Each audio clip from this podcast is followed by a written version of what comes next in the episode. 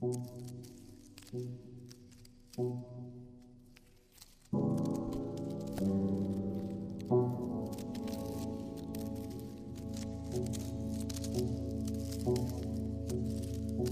sevgili Hatice Güler bir söyleşi gerçekleştireceğiz. Dijital ortamda gerçekleşiyor bu söyleşi pandemi nedeniyle. Kendine ait bir odada bahar aylarında gerçekleşecek olan içimdeki özlem yalnızca geçmişe değil biliyorum sergi sanatçılarından biri Hatice Güler Yüz. Bizimle tanışıklığımız Ocak aylarında karantina mekandaki sunum sayesinde olmuştu. Serginin asistan grubundayım ben de. Hatice Hanım merhaba.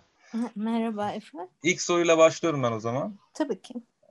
Öğrenimizi birlikte geçirdiğiniz arkadaşlarınızla yıllar sonra sizi bir araya getiren içindeki özlem yalnızca geçmişe değil biliyorum sergi davetini aldığınızda duygu ve düşüncelerinizde neler değişti? Çok ilginçti benim için. Çünkü son 5 yıldır e, Türkiye'de değildim.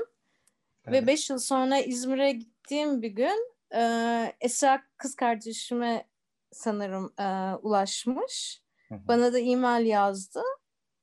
Böyle bir projeden bahsetti. Ben dedim ben de İzmir'deyim. Hı hı, Çok heyecanlandım tabii ki. Sonra Esra ile kendisiyle yıllardan sonra hı hı. belki 15-20 yıldır görüşmemiştik. Buluştuk, sohbet ettik. Çok çok heyecanlandım tabii ki. Yani birden o geçmiş ve gelecek ve şu an birleşti gibi bir durum söz konusu oldu. O anlamda çok etkilendim.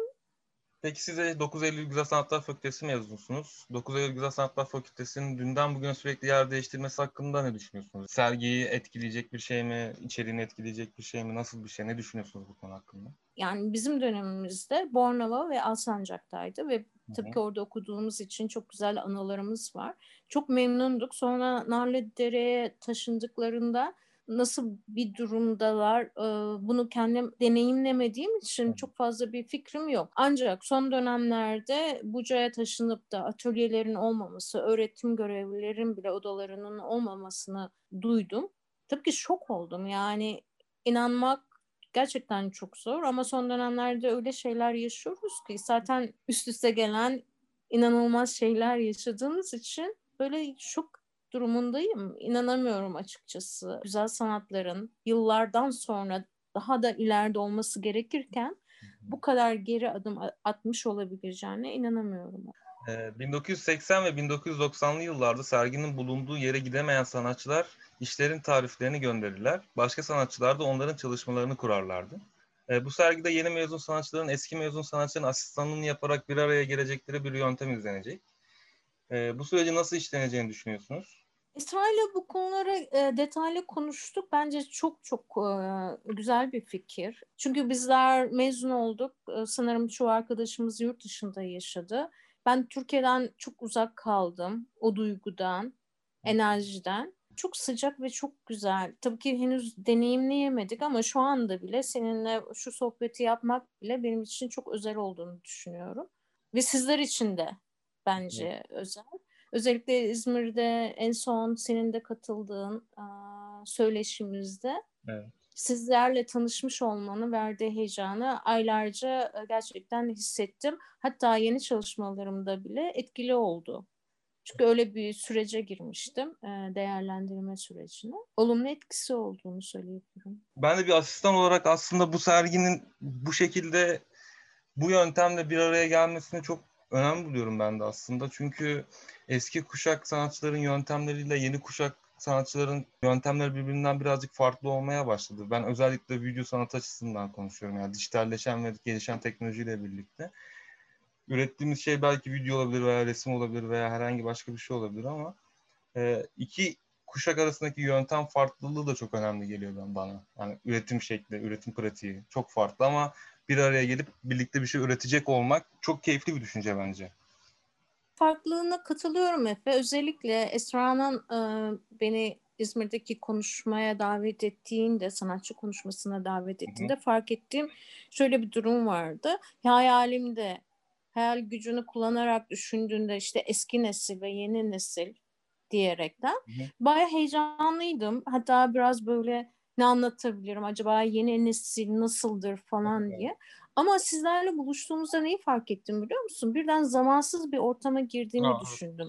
Yani sizi ben çok böyle yeni nesil işte kendimi çok eski hissetmedim. Esra'yı da dahil. Evet. Sizleri de çok yeni hissetmedim. Gayet nötr bir durum. Ki bu bahsettiğim farklılık tabii ki yani e, daha 10 yıl 12 yıl önce YouTube falan yoktu. Yani YouTube'un evet. gelmesiyle video sanatının moving image dediğimiz hareket illa video sanatı değil. Yani hareket eden görsel instalasyonlar. Her şeyde bir değişim olduğunu düşünüyorum bu farklılık. Hatta benim neslimde video sanatı yapan arkadaşlarımızda bile o kadar çok farklılık var ki yani bir sanatçı grubu gerçekten yeni teknolojiye çok ilgi duyuyor, e, kendisini geliştiriyor. Bir tanesi e, o klasik video anlayışından e, veya sanat yapma anlayışını tekrarlamak yani fikri o anlamda ilerletmek istiyor farklılık yani sanatçıya sanatçıya nesilden nesile de gidiyor ama ben sizlerle açıkçası farklılık hissetmemek bana da inanılmaz güzel bir enerji verdi. Bizim zamanımızda profesörlerle, hocalarla, yaşları çok daha ilerleyen e, sanatçılarla öğrenciler arasında sanki inanılmaz bir fark vardı. Evet. Ama şimdi bütün sanatçı arkadaşlarımıza bakıyorum. E, kendim de dahil olmak üzere. Sizler de internetin, sosyal e, medyanın hepsinin olması bir cinsiyetsiz, yaş, din, dil, ırk bütün bu ayrımların o kadar keskin olmamasını sağladı. Çok daha rahatız, çok daha biziz, çok daha aynıyız aslında. Farklıyız ama aynı anda da aynıyız. Yani aynı dili konuşabiliriz. Yani bizim zamanımızda Profesör Fransa'dan geliyordu. Böyle ağzının içine bakıyorduk. Deneyimlerini anlatıyordu. İnanamıyorduk. Böyle tüylerimiz diken diken olurdu. Ama yeni nesilde şu anda yeğenimle 19 yaşında konuşsam bile gayet rahat güzel sohbet edebiliyoruz. Aynı düzeyde sohbet edebiliyoruz. YouTube'dan, filmlerden, bilgilerden kendisini geliştirmiş. Evet. Ancak bizim dönemimizde biz bilgiye çok açtık. Ben kendi adıma söyleyeyim. Yurt dışına gitmemin nedenlerinden birisi bu açlıktı. Yani bir Alman kültürü vardı, Amerikan kültürü vardı. İnternet yok. Ee, çok açtık yani. Şu evet. anda o bilginin ulaşılabilirliği de mesafeleri çok yakınlaştırdı. Bu mesafe yaş mesafesi de 30 yıldan bahsediyoruz. Çok uzun bir süre. Ama aynı anda da sanki 2-3 yıl gibi de geliyor bana. Ya evet aslında ben ondan bahsetmek istemiştim birazcık daha. Yani 30 yıl gibi bir süre veya işte yıl önemli değil. E, aradaki bazı şeyler çok değişebiliyorken ama aslında birbirlerinin içine geçebilen bir yapı oldular mesela. işte bizim kuşağımızın bilgiye çok çabuk erişebilir olması sizin kuşağınızın bilgilerini bir an önce öğrenebilmeye doğru gitti mesela. Yani biz geçmişten bugüne doğru bakıp kuramsal bilgileri veya tarihsel açıdan çok fazla okuyup hemen öğrenebildik. Ama sizin zamanınızda bu pek mümkün değildi ve sizin kendi çabanızla mümkün olabiliyordu. Evet, evet çok savaştık. Ama şimdi mesela bizim kuşağımız bilgiye erişebilirliği çok yüksek olduğu için direkt bilginin içine doğduk diyebiliriz yani aslında yani bilgi çağının içine doğmuş gibi olduk. Ee, ve bu iki kuşağın birlikte işler yapabilecek olması çok keyifli geliyor yani açıkçası. Sizlerle çalıştıkça ki o günkü konuşmadan sonra da fark etmedim ama yani bilinçaltımı diyeyim yavaş yavaş ilerleyen pandemi dönemindeki o sessizlik var ya hı hı. hepimizin yüzleşmek zorunda kaldığı neredeyiz, nereye gidiyoruz, ne oluyor e, irdelemesi için de e, e, farklı farkındalıkları da yarattığı için benim için de çok çok değerli ve ilginç geliyor. Yani bir maceraya atıldık gibi. Yani bir evet. ormanda yürüyoruz. İşte şurada bir patika, şurada bir patika. Ne yapalım? Şuraya gidelim ve evet. Yani çıkışında ne olacağını bilmiyoruz. Hiçbirimiz o yolu veya patikaları bilmiyoruz. Ee, ilginç bir e, yolculuk olacağını düşünüyorum. Evet sergi fikri ortaya çıktığında pandemi söyleyeceğiniz başlamamıştı. Hatta biz birlikte toplantı yapmıştık hep birlikte sizin videolarınız falan izledik. Evet. Pandemi çalışmalarınızı etkiledi mi? Zaman, zamanlama çok çok ilginçti. Yani dediğim gibi 5 yıl e, ben Türkiye'ye gelmedim. Onun öncesi Hollanda, Avrupa'daydım. Hı hı. E, o kadar uzaktaydım ki sanat pratiğimde, sanat pratiğini biraz e, anlatmak istiyorum ki tamam. yani nereden geldim ve şu andaki konumumu açıklamak için Okuldan sonra bütün öğrencilerin, bütün arkadaşlarımın hayali e, yurt dışına gidip yüksek lisans yapmaktı. Hı hı. E, tabii ki yani o dönemler e, bu kadar kolay değildi. İşte memur çocuğusun, e, devlet bursları çok çok az.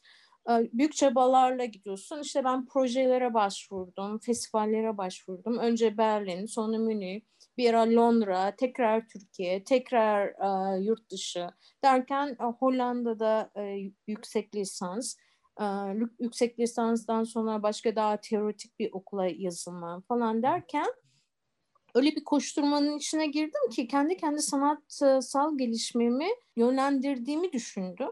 Bulunduğum çevre, ülke, şehirler, e, okul tabii ki beni de yönlendirdi. Örneğin sanat pratiğimi yönlendirdi. Şöyle Hollanda'da e, yüksek lisansa başladığında bana resim yapma yasağı koydular.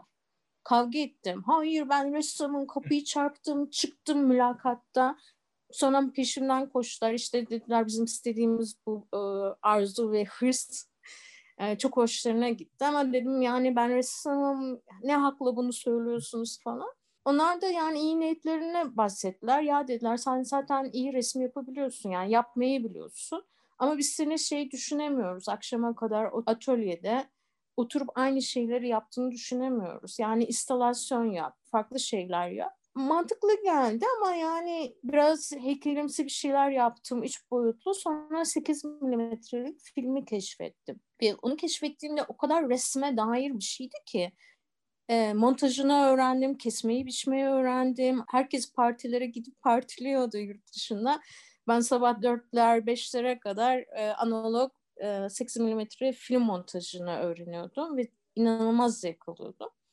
Sonra e, teorik alanda eğitime devam ederken 8 milimetreyle başka bir yöne gitti. Sonra Los Angeles'a Amerika'ya taşındığımda Amerika kültürünün verdiği etkiyle ne bileyim hayvan hakları ile ilgili daha çok işte Fox Prism daha böyle e, anarşist işler yapmaya başladım. Yani kısaca demek istediğim Berlin'den Hollanda oradan oraya gittiğimde bir böyle dinleme zamanım olmadı. Ben ne yapıyorum? 8 milimetrelikten sonra ben işte e, binaural ses instalasyonlarına başladım. Tekrar desenlere başladım, fotoğrafa başladım. Esra böyle bir şeyi teklif ettiğinde İzmir'de birden böyle 30 yıl gözümün önüne geldi. Unutmuştum. Berlin'i unutmuştum. Hollanda'daki okulu unutmuştum. Hızla ben bir yolda ilerliyorum. Gerisine çok fazla bakmadan, irdelemeden. Proje aslında bana birden dur dedi. Yani bağlantıları görmeye başladım. Analiz etmek istedim. Önüne resim yapmayı çok çok özlediğimi hissettim. Ellerimle bir şey yapmak. Tabii ki dijitalde bütün işlerim daha önce DVD'deydi. Şimdi bütün hard drive'larda işte orada burada falan. Ama daha çok işte tuval, boyayla ellerim boyansın istedim. Daha manuel bir şey istedim. Pandemiden önce zaten böyle bir içsel dünyaya bir giriş oldu. 30 yılı değerlendirme girişi. Üzerine pandemi aslında şey bu ortamın sürekliliğini kazanmamı sağladı. Belki pandemi olmasaydı e, bu konuya e, yoğunlaşacaktım. Ama evde kalmak zorunluluğu bunu çok daha e, ilginç boyutlara getirdi. Yeni fikirlerim doğdu. İnanılmaz ilham verici projeler yaptım. Esra bu projesini dile getirdiğinde ilk şey irdeleme. Yani 30 yıllık tarihimi oturup değerlendirme fırsatını verdim. Öğrenciyken bir tane sergi vardı. Ben davetiyelerine e, sinema bölümüne de gidip e, sinema ve tiyatro bölümüne Asancak'ta böyle hocaların kapısının altından da attım. Orada çalışan bir Alman hocamız vardı. Merlis Krause diye. O, şeyi davetiye sonra beni buldu. Sergi bile açılmadan önce tiyatro üzerine, e, görsel performanslar üzerine projeler yapmak istedik. O kadar güzel projeler yapmaya başladık ki birden o resim e, bölümünden çıkmamı sağladı ki üçüncü sınıftaydım. Berlin'e gittiğimde Hochschule der Künste, Berlin Akademisi'nde de onun sayesinde performans yaptım. Resim ile dansı birleştirdim. Hı. Sessiz tiyatroyu birleştirdim. Yani şu anda e, herhalde yapamam. Cahil cesareti vardır ya işte şey Hoşla der profesörleri herkes beni izliyor. Ben tek başıma bir tiyatro performansı yapıyorum. Müthişti. Evet. Kocaman resimler yaptım. O resimleri e, kağıtlar üzerine yırttım, arttım falan. Sonra bunu gören başka bir yer e, benim Münih'teki başka bir öğrenci festivalini davet etti. Üç gün için. Ve o dönemde işte bir kot pantolonu, böyle erkek e, tişörtü var üzerimde. Hı hı. Ben kısa sürecek diye. Gittim Cafe Dada diye bir fest, e, festivalin içinde bir küçük bir event vardı. Hı Dokuz tane inanılmaz büyük resimler yaptım. E, biraz Alman ekspresyonist e, böyle fırça darbeleri falan gerçekten güzel resimlerdi. Bir tane yaşlı bir beyefendi geldi. E, benim için yaşlı. O zaman ben 20-21 yaşındayım. O da 41 yaşında. Dedi para kazanmak ister misin? Tabii ki dedim isterim. E, Orada kültür ve oyun diye bir e, şey var, e, devlet kurumu var. E, çocuklarla, gençlerle çalışıyorlar veya sanatı topluma öğretme adına projeler yapılıyor. Kamu alanlarında Çok böyle yine performans, resim işleri yapıyor. Öyle bir projeye de davet ettiler.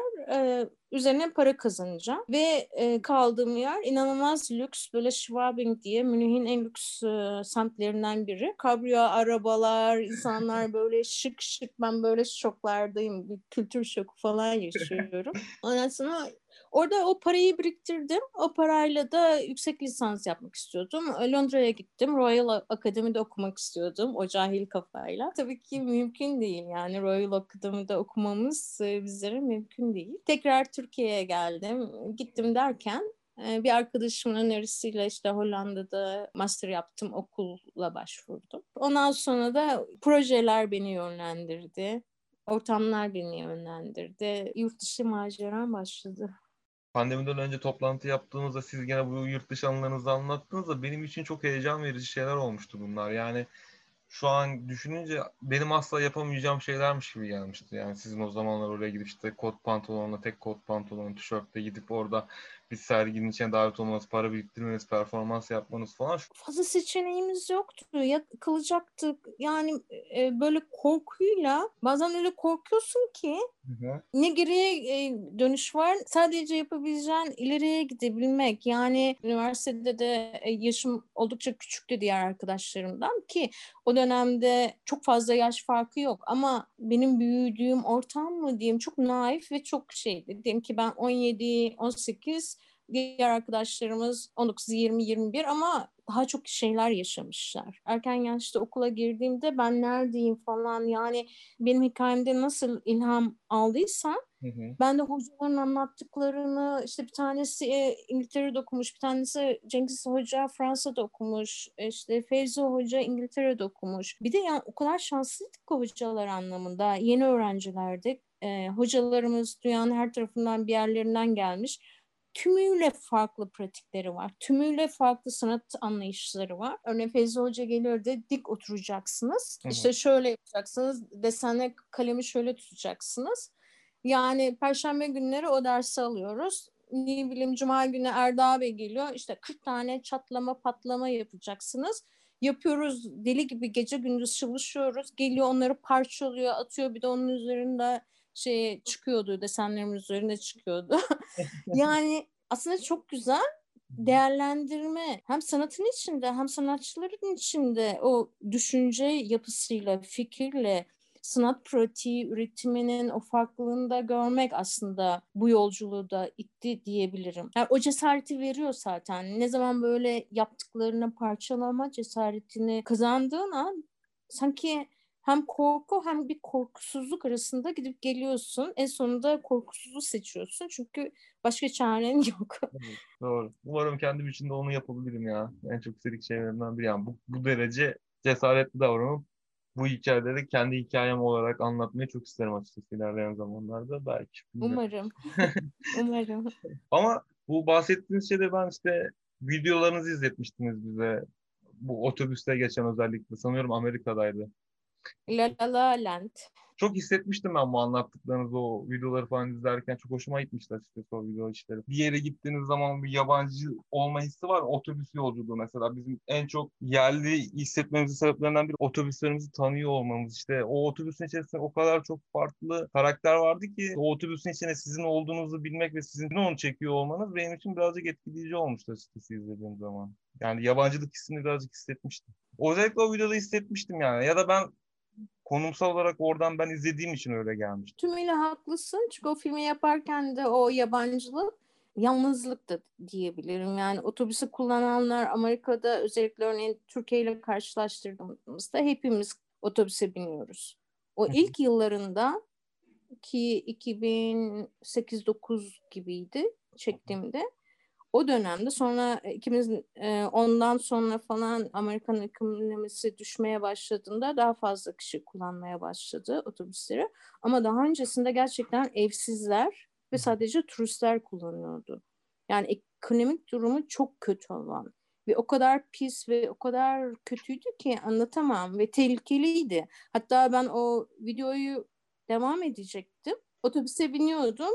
Önce şoföre ve sonra bütün yolculara İngilizce tabii ki şey diyordum yani sanat projesi yapıyorum. Video çekmemde herhangi bir sakınca var mı? Genellikle hiçbir sakınca yoktu ve giriyorum. Tabii ki duraklar ilerledikçe yeni insanlar giriyor çıkıyor.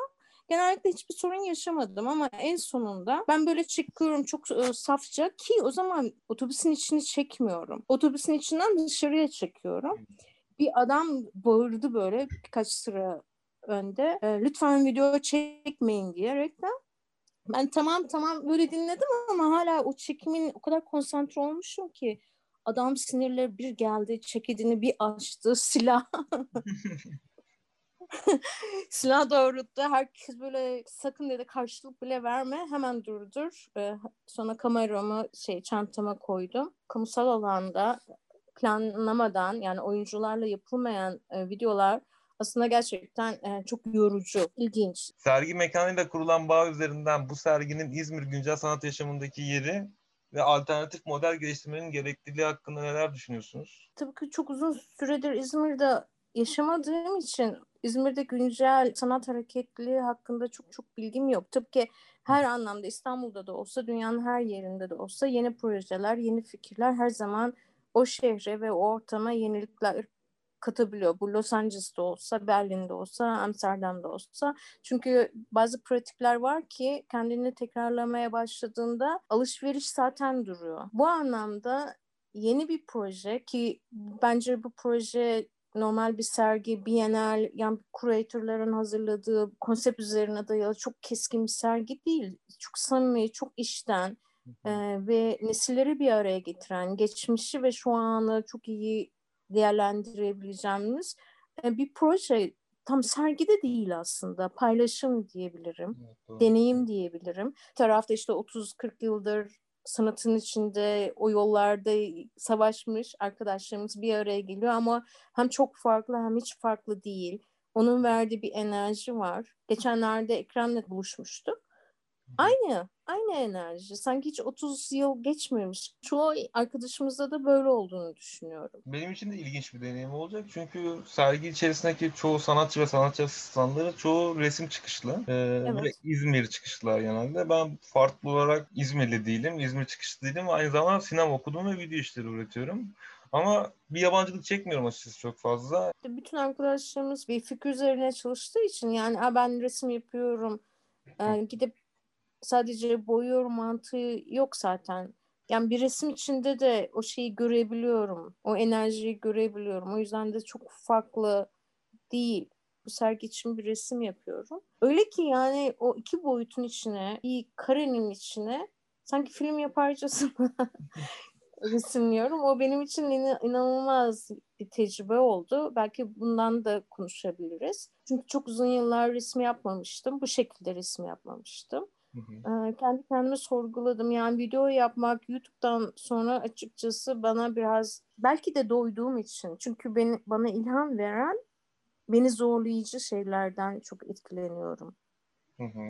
Yani başardığım zaman böyle biraz sıkılma değil de yani bir arayış var, bir sorgulama var. Ee, sanki beni çeken bir şeyler var ama henüz betimleyemiyorum. Bir puzzle gibi. Yani hepsini bir araya getirdiğimde aslında bu sergi biraz o puzzle'ları e, daha objektif, daha dışarıdan görmemi sağladı. Birbirinden kopuk olan işte Berlin üretimim, e, Los Angeles veya Hollanda üretimim aslında bana çok kopuk gibi gelmişti. Hı hı. Ama bu dönem hem pandemi hem böylesi bir proje onları birleştirmeye başladı ve o birleşimden ilginç işler çıkmaya başladı son iki aydır. Ve gelişen işler bunlar. Hem e, 8 milimetrelik film dijitale çevrilmiş halini göstermek istiyorum. Hem de bu resimle birlikte göstermek istiyorum. Bir de binaural e, ses, e, 3D ses instalasyonunu da paylaşmak istiyorum. Hı hı. Aslında üçlü çok ilginç bir sorgulama da var. Aslında bu e, malzeme, hareket, hı hı. renk, yani bir de çok ön yargılar var işte resim, işte video art. Böyle keskin sınırların dışında olmak isteyen bir sanatçıyım. O kadar keskin sınırlar yok. Senin dediğin gibi yabancılık hissetmiyorsun. O aslında nasıl baktığına bağlı. Evet. Sanat eserine ve fikre. Fikir de var. Onun içinde de inanılmaz maceralar var. Fikirler, boyutlar var. O boyutların içinde ne kadar var olabiliyoruz? Onların ne kadar izin veriyoruz? Bazen zihnimiz bize o kadar bloklar ve sansürler uyguluyor ki e, göremiyoruz. Bu anlamda farklı malzemeleri kullanarak bu sınırları da zorlamak istiyorum.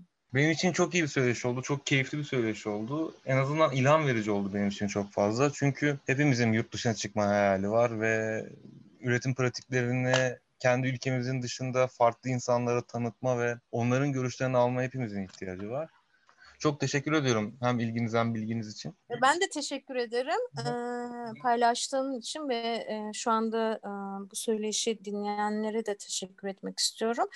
Ben de çok ilham aldım. Hatta şu anda hemen gidip bir şeyler yaratmak, düşünmek, yazıp çizmek istiyorum. Paylaştıkça gerçekten bir şeyler büyüyor. Ve serginin oluşumu, diğer arkadaşlarımla bir araya gelmeyi de dört gözle bekliyorum. İlginç bir süreç yaşıyoruz. Hatta Stephen King'in filminin gerçekleşmiş hali gibi. ve bütün bu süreçte bütün arkadaşlarımız, sanatçı arkadaşlarımız, sizler de yeni nesilde bir yaratım, üretim, irdeleme aşamasında çıkacak projenin sonucu çok çok ilginç olacak bence. Bekliyoruz ve teşekkür ederim tekrar. İzmir'de görüşmek üzere diyorum o zaman. Görüşmek üzere.